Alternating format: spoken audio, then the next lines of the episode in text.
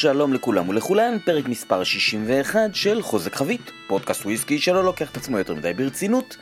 לקח לי הרבה זמן להגיע לפרק הזה, כי לשמחתי יש לי תקופה עמוסה עם המשלוח החדש של ריגר סלקשן, והרום מפנמה שנקרא רון ארטזנו, והיבוא החדש שלי, אה, ליין בקבוק עצמאי בשם בלק קורבי, שהוא ממש מעל ומעבר לציפיות שלי. אז בגלל שלקח לי כל כך הרבה זמן, יהיה לנו פרק די ארוך, אבל נראה לי שגם די מעניין.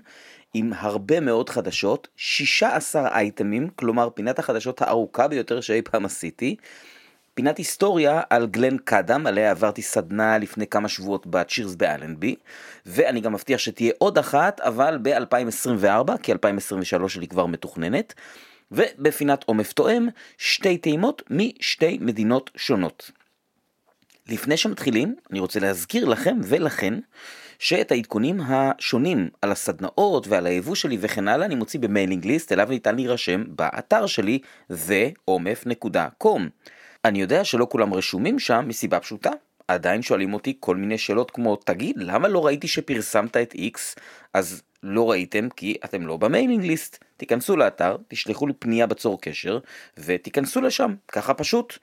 אה, בשבוע הבא יש שתי סדנאות על הרום בתל אביב ובחיפה, ואני ממש מחכה להמשך השנה הזו, כי יש עוד המון סדנאות, וזה הפתעה או שתיים ככה בשרוול, אז אה, stay tuned כמו שאומרים, ויאללה קדימה, בואו נתחיל עם פרק 61.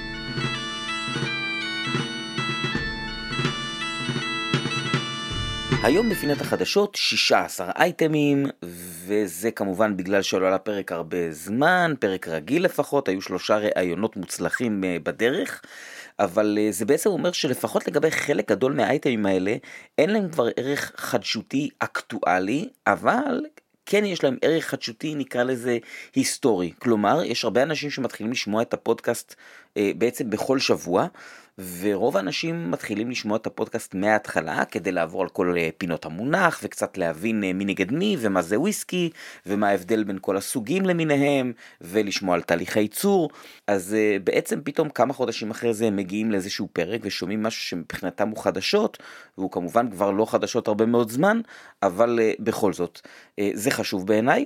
ובגלל העומס אני ארוץ על זה יחסית מהר, לא בכל האייטמים, ו... בניגוד להרגלי שאני שומר את החדשות המקומיות לסוף, הפעם אני מתחיל עם חדשות מקומיות כי אני חושב שזה ראוי וכמובן מאוד משמח. אז ב-30 למרץ הוכרזו הזוכים של ה-World Whiskey Awards, שזה אירוע של הוויסקי מגזין. במסגרתו נבחרים ונבחנים נוזלים ממזקקות רבות ושונות ברחבי העולם בתחרות טעימות עיוורות בקטגוריית הסינגל מאלט הטוב בעולם, זכה האלמנטס שרי של מזקקת מילקן הני. הזכייה הזו היא מקור גאווה אדיר למזקקה ובכלל לתעשייה המקומית, לדעתי למדינת ישראל, והידיעה הזו כמובן הופצה בארץ בהמון המון מקומות בלי שום קשר לתרבות וויסקי, אה, יצרן ישראלי של משהו שהוא בסוף לא ישראלי במקור שלו, פשוט עולה על המפה העולמית, אז אני ממש בטוח שהאייטם הזה הוא לא חדשות בכלל, זאת אומרת כולם יודעים את זה, זה ממש ממש היה בכל מקום. אני כן רוצה להוסיף עוד משהו קטן, שאני מודה שאותי הרשים לא פחות מהעניין הזה, וזה שבערך שבוע אחרי אותו טקס נערך טקס קטן בהרבה בשם אורן מור, אותו ארגן קני מקדונלד, שהוא הבעלים של מבקבק עצמאי בשם דראם מור שמיובא על ידי אה, אלפאבית, והוא עבד הרבה שנים באיין מקלאוד, בעיקר בגלן גוין, קצת בתמדו, לפחות לפי מה שאני זוכר, אה, איש לבבי ואהוב מאוד בתעשייה.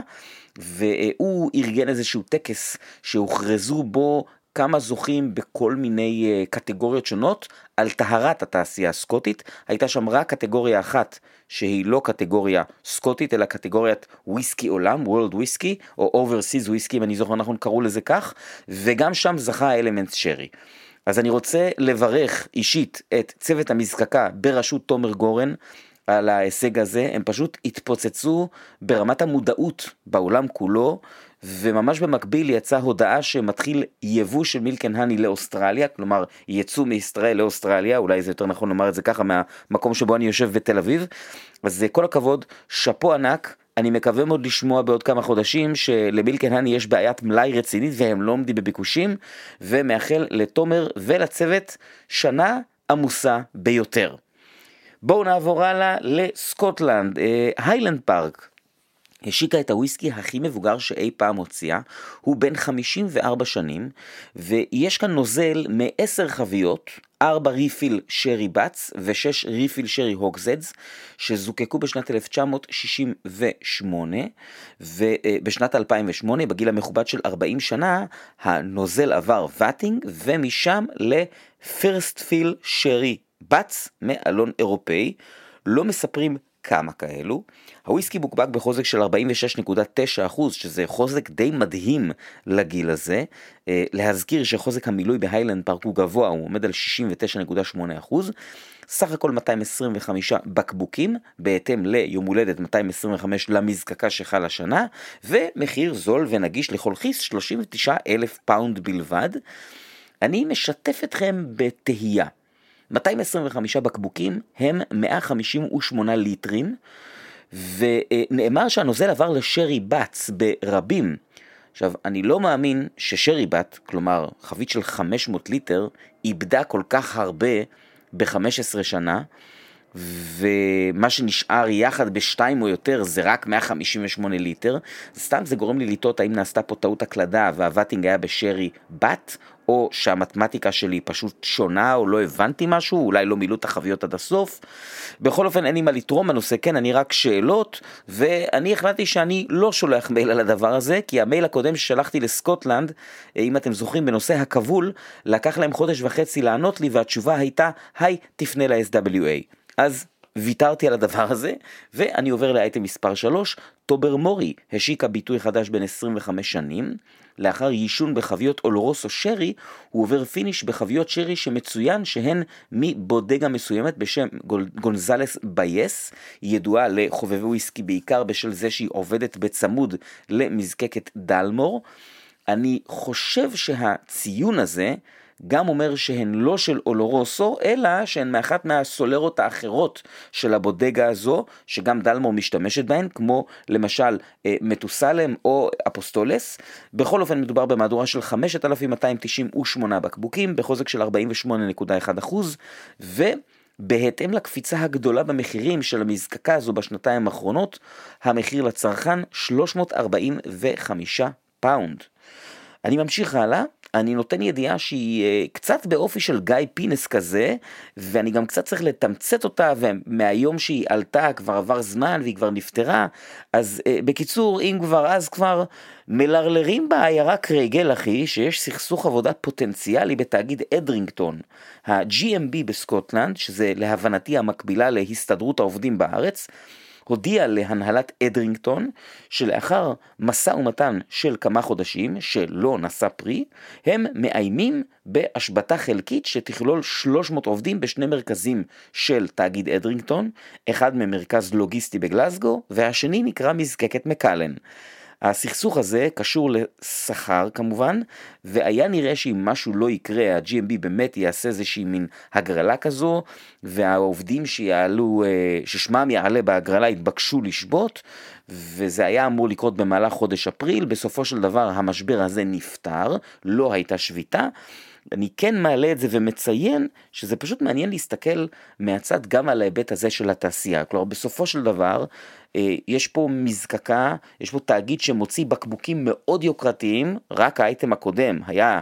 אה, סליחה, לפני שני אייטמים, היילנד פארק גם מזקקה ששייכת לאדרינגטון, אז בעצם אנשים פשוטים שעושים את ה-day to day job, רואים את ההצלחה המטורפת הזו של התעשייה הסקוטית בכלל, של המזקקה שהם עובדים בה בפרט, ורוצים ליהנות קצת יותר בעצמם מההצלחה הזו. אז אה, זה נשמע לי אה, טבעי.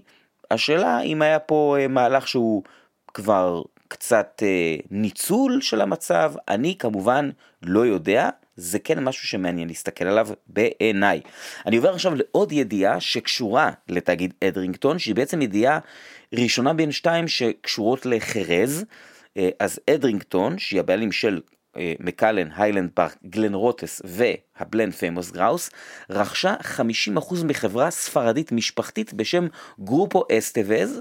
החברה הזו היא בעלים של יקבים ובודגות שמייצרים יין, שרי וורמוט. וידיעה שנייה שקשורה לחרז, מזקקת ארדגוון העתידית בלואולנד, שלמעשה היא אפילו עוד לא התחילה להיבנות. היא צפויה להתחיל לזקק ב-2024. היא כבר חתמה על חוזה של 100 מיליון פאונד לאספקת חביות שרי עם יצרן גדול ומוכר בשם מיגל מרטין, שמספק חביות שרי לגלנפידיך קילחומן וגלן פארקלס, והנציגים של ארט גואן מבליטים את הכוונה שלהם ליישן בשרי יישון מלא. שתי הידיעות האלה כמובן ישר שלחו אותי לעמיתי, שאתם מכירים מפרקי השרי ופינת המונח על עץ, לדיון בנושא הזה, והדיון הזה הוביל אותי למסקנה שזה מצדיק פרק משותף, אז אני מעדכן כאן שיש את העניין הזה, כלומר שתי העסקאות האלה קרו, וזה עשה לא מעט רעש, ואני גם מציין את הדבר הזה כדי לסנדל את עמיתי לפרק, שעכשיו שהתחייבתי אין ברירה חייבים לעשות אותו. אז זהו, אני עובר הלאה למזקקה נוספת, והאמת שעם קשר לשרי, עכשיו שאני חושב על זה, גלן מורנג'י משיקים ביטוי רביעי בסדרת Barrel Select, הסדרה שהחלה לצאת בשנת 2020 עם ה-12 שנה מלאגה finish, שבעיניי היה פשוט מעולה, 47.3 אחוז, אני התענגתי על בקבוק אחד בסדנה, ו... ועל בקבוק אחד בבית, והיא המשיכה עם ה-13 שנה ב finish קוניאק, ואז 12 שנה ב finish פאלו קורטדו, אז היא יוצאת בעוד שרי finish מעניין, הפעם אמונטיאדו. הוויסקי מבוקבק ב-46% ורובה של ההוצאה הזו מיועדת דווקא לשוק האוסטרלי למרות שניתן לרכוש בקבוקים גם בחנות האתר של המזקקה, המחיר לצרכן 75 פאונד. נעבור לעוד מזקקה עם finish חדש, דינסטון צפויה להוציא מהדורה בת 15 שנים ב finish טקילה ובחוזק של 52.5% אלכוהול. כרגע אין עוד פרטים, אבל אותי אישית מעניין לטעום איך זה יעבוד. אה, גם קילחומן וגם מילק אן האני בחביות מתזקיקי אגווה לי עבדו ממש טוב, למרות שאני לא חובב גדול של תזקיקי אגווה כשלעצמם, אז אני סקרן לראות האם נוזל עדין כמו זה של דינסטון, ורק לפני כמה, אה, אני חושב שבוע, ממש לפני שבוע הייתה סדנה מספר 17 של CSFC על דינסטון, טעמנו שמונה דינסטונים, מעניין לראות אם הוא יחזיק את החבית הזאת כמו שצריך, ועוד מסקנה שאפשר להסיק היא שיש סיכוי די גדול לראות ב-2024 ו-2025 מהדורות של בונהבן ו/או טוברמורי ו/או לצ'ייג בחביות טקילה. הלאה, נעבור לעוד מזקקה עם עוד מהדורה עם חביות שמשתמשים בהן בפעם הראשונה, לא רק במזקקה הזו אלא בכלל. גלן פידיך, גילוי נאות למי שלא זוכר, מזקקה שאני אה, השגריר שלה בארץ. השיקה מהדורה מוגבלת בשם גרניו זקורה, מהדורה בת 29 שנים בחוזק של 45.1% אלכוהול, וב finish של תזקיק אורז מאוקינאווה בשם אוואמורי. היישון הראשוני, ממש כמו בגרן קור ובגרן קורון, הוא בחביות ex bourbon ו ex sherry מאלון אירופאי במקביל, וה finish לאחר ה vatting הוא בן חצי שנה. אני די בספק אם המהדורה הזו תגיע לארץ, אני יכול לגלות לכם שנעשים מאמצים לגרום לזה לקרות, לא בטוח שזה יקרה, אני כמובן מאוד מאוד רוצה לטעום את זה. המחיר לצרכן 1,500 פאונד. ונעבור למזקקה נוספת שאני מאוד מחבב, למרות שאין לי שום קשר אליה, אה, אובן הודיע על distillery exclusive חדש בשם יאנג טדי, אחרי מהדורה מ-2019, שקראו לה אולד טדי, אולד טדי מקלין, למעשה יש שלושה דורות של משפחת מקלין שעובדים במזקקה, המהדורה היא בעצם מחווה להם. את הבקבוק הקודם, האולד טדי מקלין, אה, הטעמתי בסדנת אובן של CSFC בזמנו, והמהדורה החדשה היא ללא ציון גיל כמו הקודמת, היא בחוזק מעט יותר נמוך של 50.8% אלכוהול, והיא עוברת finish בשרי אולורוסו וגם בשרי פאלו קורטדו, 5,452 בקבוקים שכאמור הם יימכרו במזקקה בלבד במחיר של 195 פאונד. אני עובר לאייטם נוסף, ומהדורה מיוחדת ומסקרנת. ברוכלדי הוציאה וויסקי חדש, מהדורה חדשה תחת השם Regeneration Project. עכשיו, גם בגלל שזאת פינה ארוכה וגם בגלל שברוכלדי הם כמובן מאוד שקופים ומפרסמים הכל, אתם יכולים ללכת ולקרוא קצת אה, בהרחבה שם, אני כן אציין שמדובר במהדורה של 1,800 בקבוקים של single grain וויסקי בחוזק של 50 אחוז. הוא התיישן בחביות ex bourbon ו virgin oak, והוא לא single malt אלא single grain, מכיוון שהוא מיוצר מ-55% שיפון ו-45% שעורה. למעשה ה single grain הראשון שמיוצר באיילה לפי מה שהם אומרים, והפעם הראשונה שמגדלים שם שיפון, אז לי אישית זה נשמע מאוד מגניב, אני חובב וויסקי משיפון, מי שזוכר מאוד התלהבתי מהראי וויסקי של הינשוף השיכור, אני באופן כללי מחבב את הדגן הזה, וגם המועדף עליי בוויסקי אמריקאי ברוב המקרים, וגם טעמתי סינגל גריין של שיפון ושעורה ממזקקה איטלקית צעירה בשם פוני, וגם היה לי מאוד מאוד טעים, אז כמובן שאם ברוך לדי עושים את זה, זה כנראה טוב מאוד, אז זהו, אני מאוד מקווה שיצא לי לטעום את הדבר הזה, ואני נשאר באיילה. אה, במצב רוח קצת פחות חיובי, עם אה, שתי מהדורות חדשות של ארדבג שממשיכים לעשות ניסויים אה, מוזרים. אני מודה שאישית זה כבר מתחיל להרגיש לי קצת מתאמץ מדי. אז יש לנו מהדורה בשם ארדבג ביזאר ביקיו, למי שלא הבין זה שילוב של ברביקיו ושל ביזאר, כלומר מוזר, 50.9% אלכוהול ושילוב של שלושה סוגים של חביות, PX חביות שעברו חריכה כפולה וחביות שעברו חריכה באח. ובנוסף לזה ארדבג שנקרא heavy vapor זה אה, אדים כבדים נשמע כמו שם של להקת מטאל משנות ה-80 אז ה-heavy vapor הזה בעצם אה, זו מהדורה זה תזקיק שיוצר על ידי זיקוק ללא ה purifiers של דודי הזיקוק. בעצם, אה, לפי מה שאני מבין, או שאטמו את הפתחים האלה, או שפשוט פירקו את ה purifiers וזיקקו את הנוזל. המהדורה הזו היא ב-46% אלכוהול, היא תעלה 120 פאונד. אה, עכשיו תראו, אני חושב שארדבג זאת אחלה מזקקה, אני מאוד אוהב את הנוזל, ברוב המקרים, לא בכולם, אה, ואני מוכן כבר עם סדנת ארדבג עם שמונה טעימות שתקרה במהלך השנה הקרובה. אבל אני מודה שהמהדורות האלה כבר מתחילות קצת לעייף אותי, אה, בעיקר בגלל העטיפה שלהן, כלומר זה תמיד בא עם... איזשהו שיתוף פעולה עם אה, אה, אמן גריל או אמן קומיקס, לא יודע, משהו שמרגיש לי כבר זה קצת מעייף, אוקיי? יכול להיות שלא כולם מסכימים איתי, כמובן שזה בסדר, ואין ספק שהארטבג הרוויחה ביושר את המעמד המאוד מאוד מכובד שלה בתעשייה. וזהו, יאללה, מספיק. אני עובר לאירלנד, בושמילס משיקה את הביטוי המבוגר ביותר שהיא אה, אי פעם השיקה, single malt בן 33 שנים, אשר התיישן בחביות פורט לכל אורך התקופה. הוא בוקבק בחוזק חבית.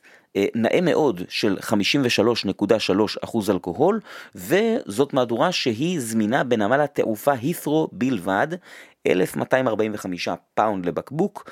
סך הכל 690 בקבוקים כאלה בלבד, ואני עובר לעוד אייטם של חדשות איריות.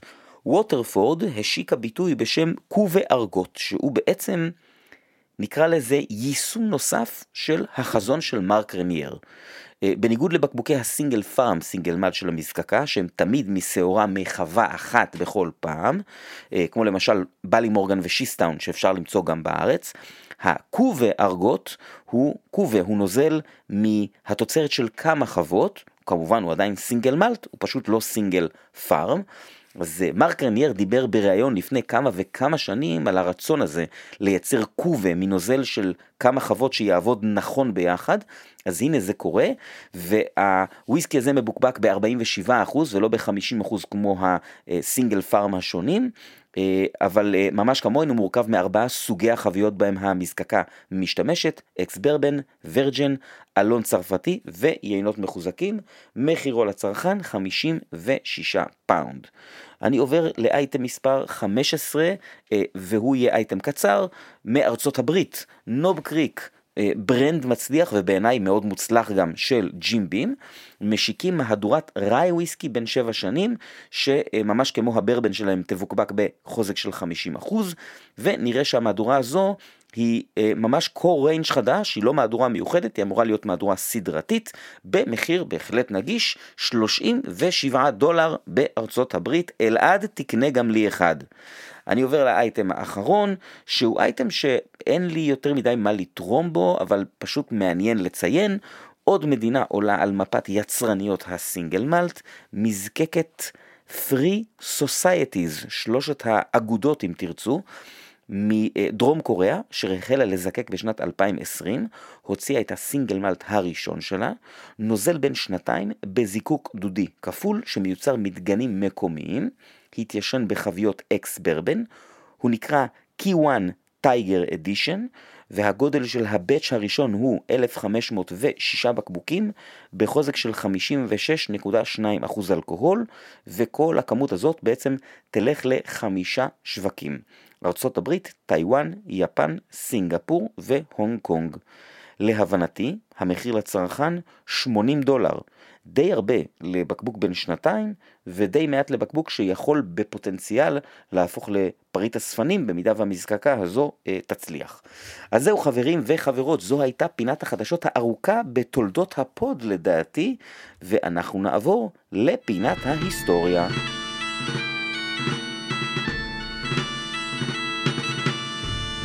היום בפינת ההיסטוריה אני מנצל את העובדה שלפני כמה שבועות העברתי סדנה על גלן קאדם כדי לספר על המזקקה הקטנה והנחבאת הזו שאני אישית מחבב מאוד, מזקקה ותיקה מאוד עם אופי בעיניי אולד סקול.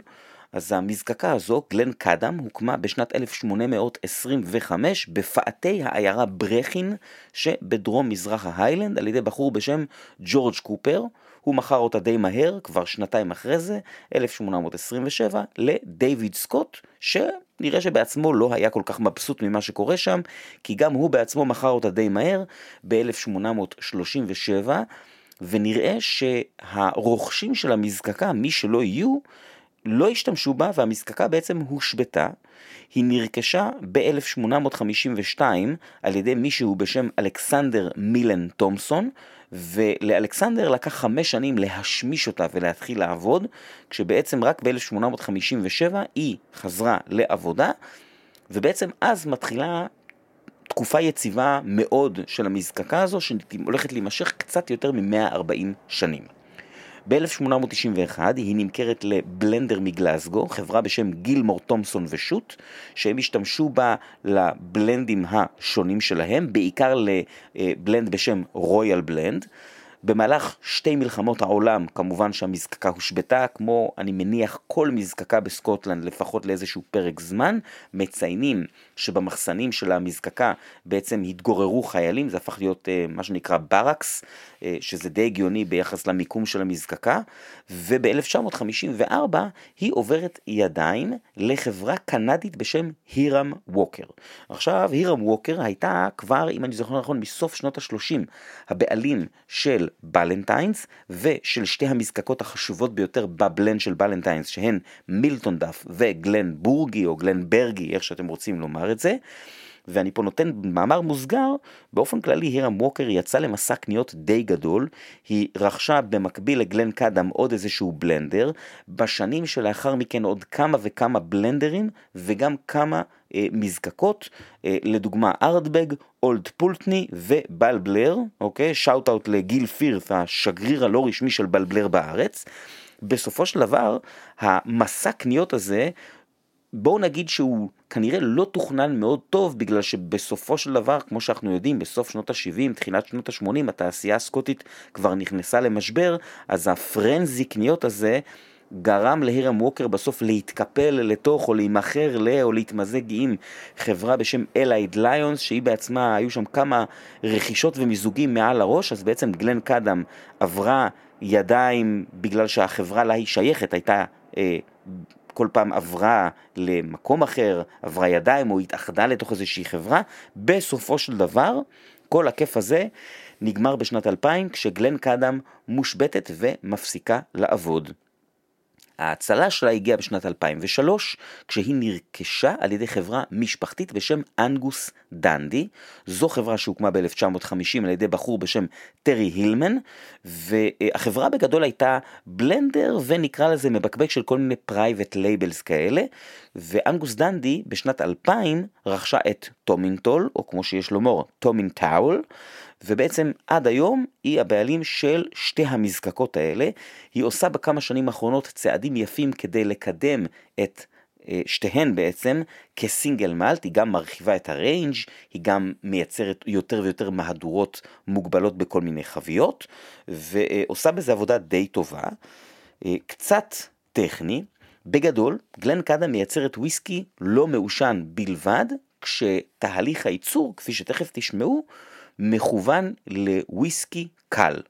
קודם כל, התסיסה היא קצרה, אפשר לומר הקצרה ביותר שיכול להיות בוויסקי, 48 שעות בלבד. אני מציין שהוושבקס הם מסטיינלס סטיל, כלומר בוודאות לא הוושבקס המקוריים שכנראה היו מעץ, ואני ניסיתי לבדוק מתי הם אה, הוחלפו.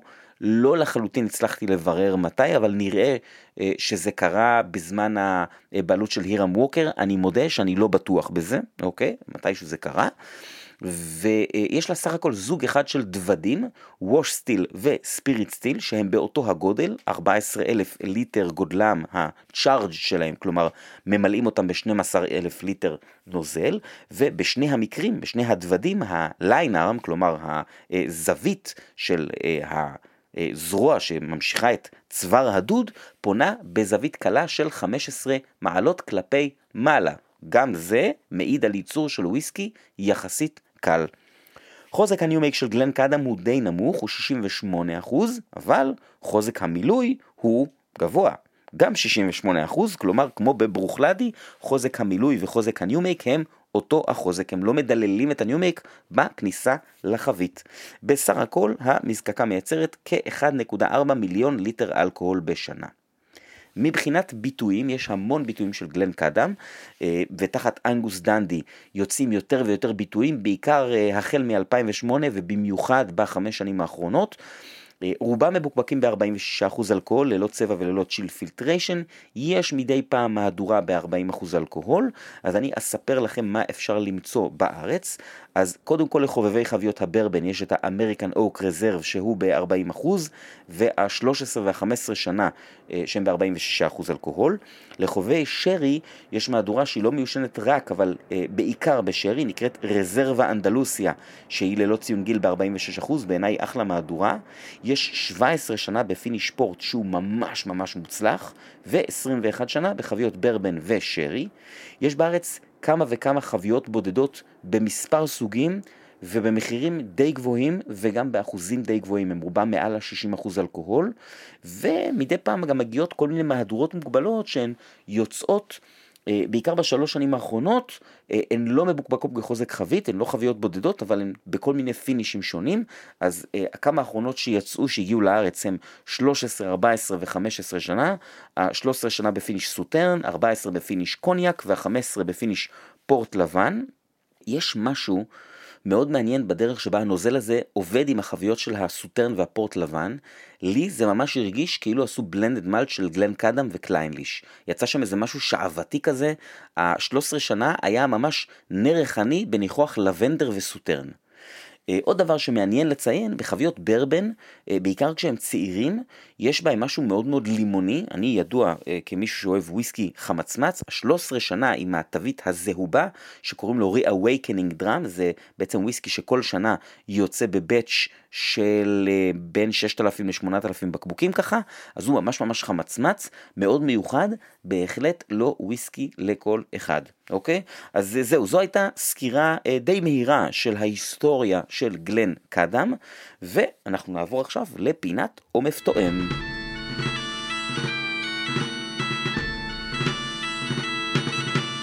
היום בפינת עומף תואם אני מספר על שתי טעימות, אחת מאירלנד ואחת מקומית ויחסית חדשה מישראל.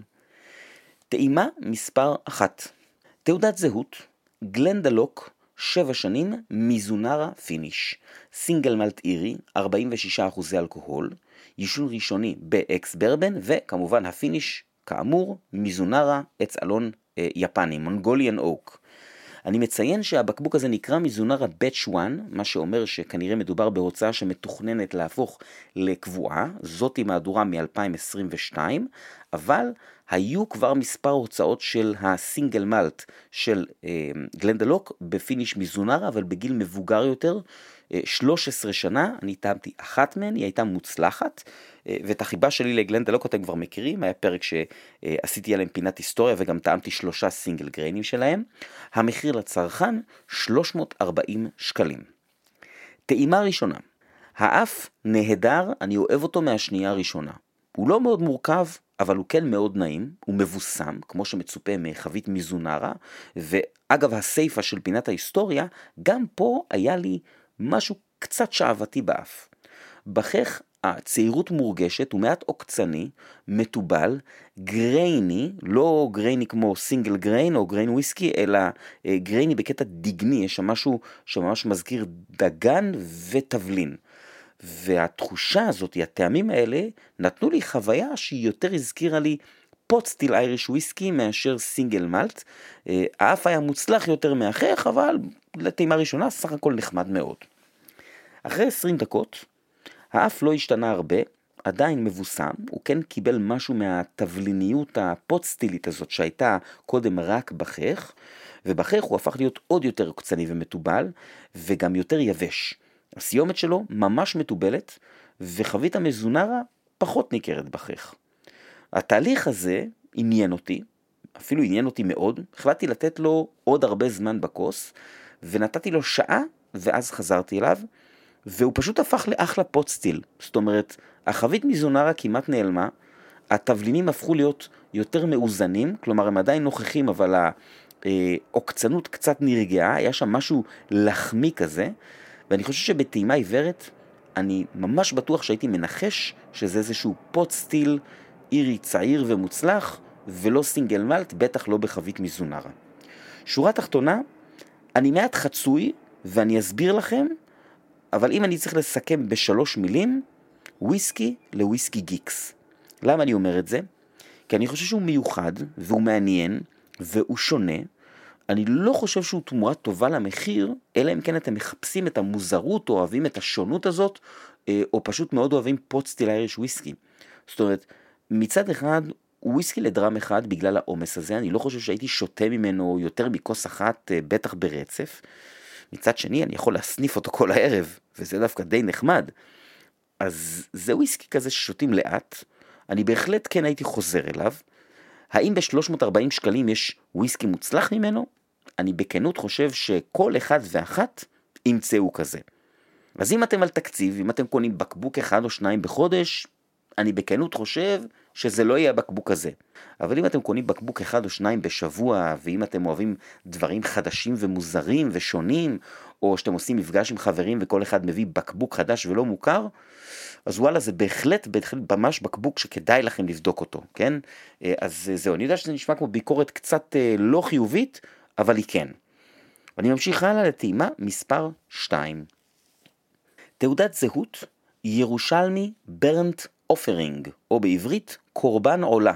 מהדורה שיצאה בינואר, סינגל מלט בן שלוש שנים, שהתיישן בחביות אקס בירה ואקס אלון צרפתי, משעורה שהושנה ל-55 ppm, שזה מעל ה-level הרגיל של המזקקה, שהוא 35 ppm, אם אני זוכר נכון, אני מקווה שאני לא מטעה פה. בוקבק ב-55% אלכוהול, סך הכל 1,150 בקבוקים במהדורה הזו. טעימה ראשונה, האף ירושלמי מאוד. יש להם תמיד איזה תבלין בשרי כזה בעישון שלהם, שנמצא גם פה.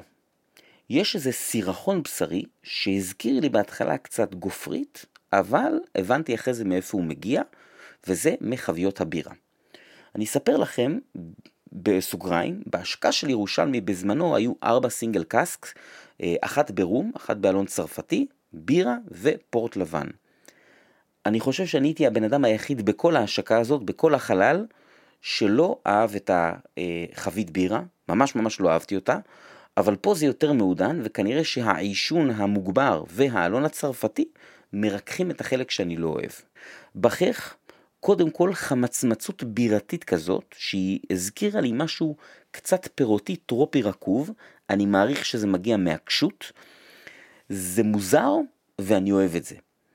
לעשן לוקח רגע להתעורר, הוא נותן פיק בפה ונרגע, הוא נשאר בעיקר על החניכיים ועל השפתיים, והסיומת בחלל הפה ועל הלשון היא בירתית, אה, יש שם מרירות של אלון צרפתי, וסך הכל לטעימה ראשונה הוא היה מגניב, קצת מאתגר, אבל זה חלק מהכיף. אחרי 20 דקות, קודם כל, אני כבר אומר, זה אחרי 20 דקות הכי גרוע שעשיתי בפודקאסט, כי לא באמת הפסקתי להריח אותו. כל הזמן חזרתי אליו, וזה כנראה קצת מפריע לי להרגיש את השינוי, אבל זה פשוט וויסקי שקשה לי להפסיק להריח, כי הוא היה לי כל הזמן מעניין. אז באף חביות הבירה קצת פחות נוכחות ככל שהזמן עובר, הוא הופך יותר ויותר דומה להר המוריה חוזק חבית, שגם דיברתי עליו אה, לפני הרבה פרקים. עכשיו, כמובן שאני מדבר פה על ניואנסים, כי זה גם חוזקים אחרים וזה גם חביות אחרות ושעורה שהושנה לרמה שונה של PPM, אבל זאת הדרך הכי טובה שלי להסביר מה הרגשתי פה, מין דמיון כזה.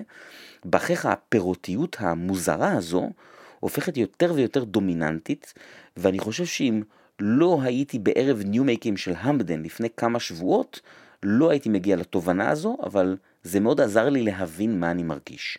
זה מוזר וזה מאוד מגניב. התבלינים של אלון צרפתי קצת נרגעים והעשן הופך מעט יותר יבש. סיומת ארוכה מאוד. שורה תחתונה, וואו, איזה וויסקי מוזר וחמוד. זה וויסקי לערב מוזר. אוקיי? אני חושב שכולנו צריכים בקבוק כזה בארון, שצריך מצב רוח מיוחד כדי להוציא אותו. בקטע של, יאללה, בוא נשתגע, הערב שותים את זה. אז כמו הגלנדלוק מזונרה, אני חושב שזה וויסקי של דראם אחד, אבל דראם מעורר כזה, זה דראם שנותן לך סטירה, זה כיף גדול, ואני יודע שגם פה, כמו בגלנדלוק, זאת ביקורת שכאילו לא נשמעת חיובית, אבל היא ממש כן ביקורת חיובית, היא פשוט חיובית בצורה מוזרה, כמו הברנט אופרינג, שהוא אחלה וויסקי, פשוט קצת מוזר, בטח לירושלמי, מזקקה שאני מאוד מאוד אוהב. אז זהו, זו הייתה פינת עומף טועים של פרק מספר 61. אני רוצה להגיד לכם ולכן תודה רבה. אה, אני מקווה שלכולם היה פסח שמח, מי ששומר על כשרות, אז גם שהיה לו פסח כשר, ושיהיה לנו כיף ומגניב. ביי!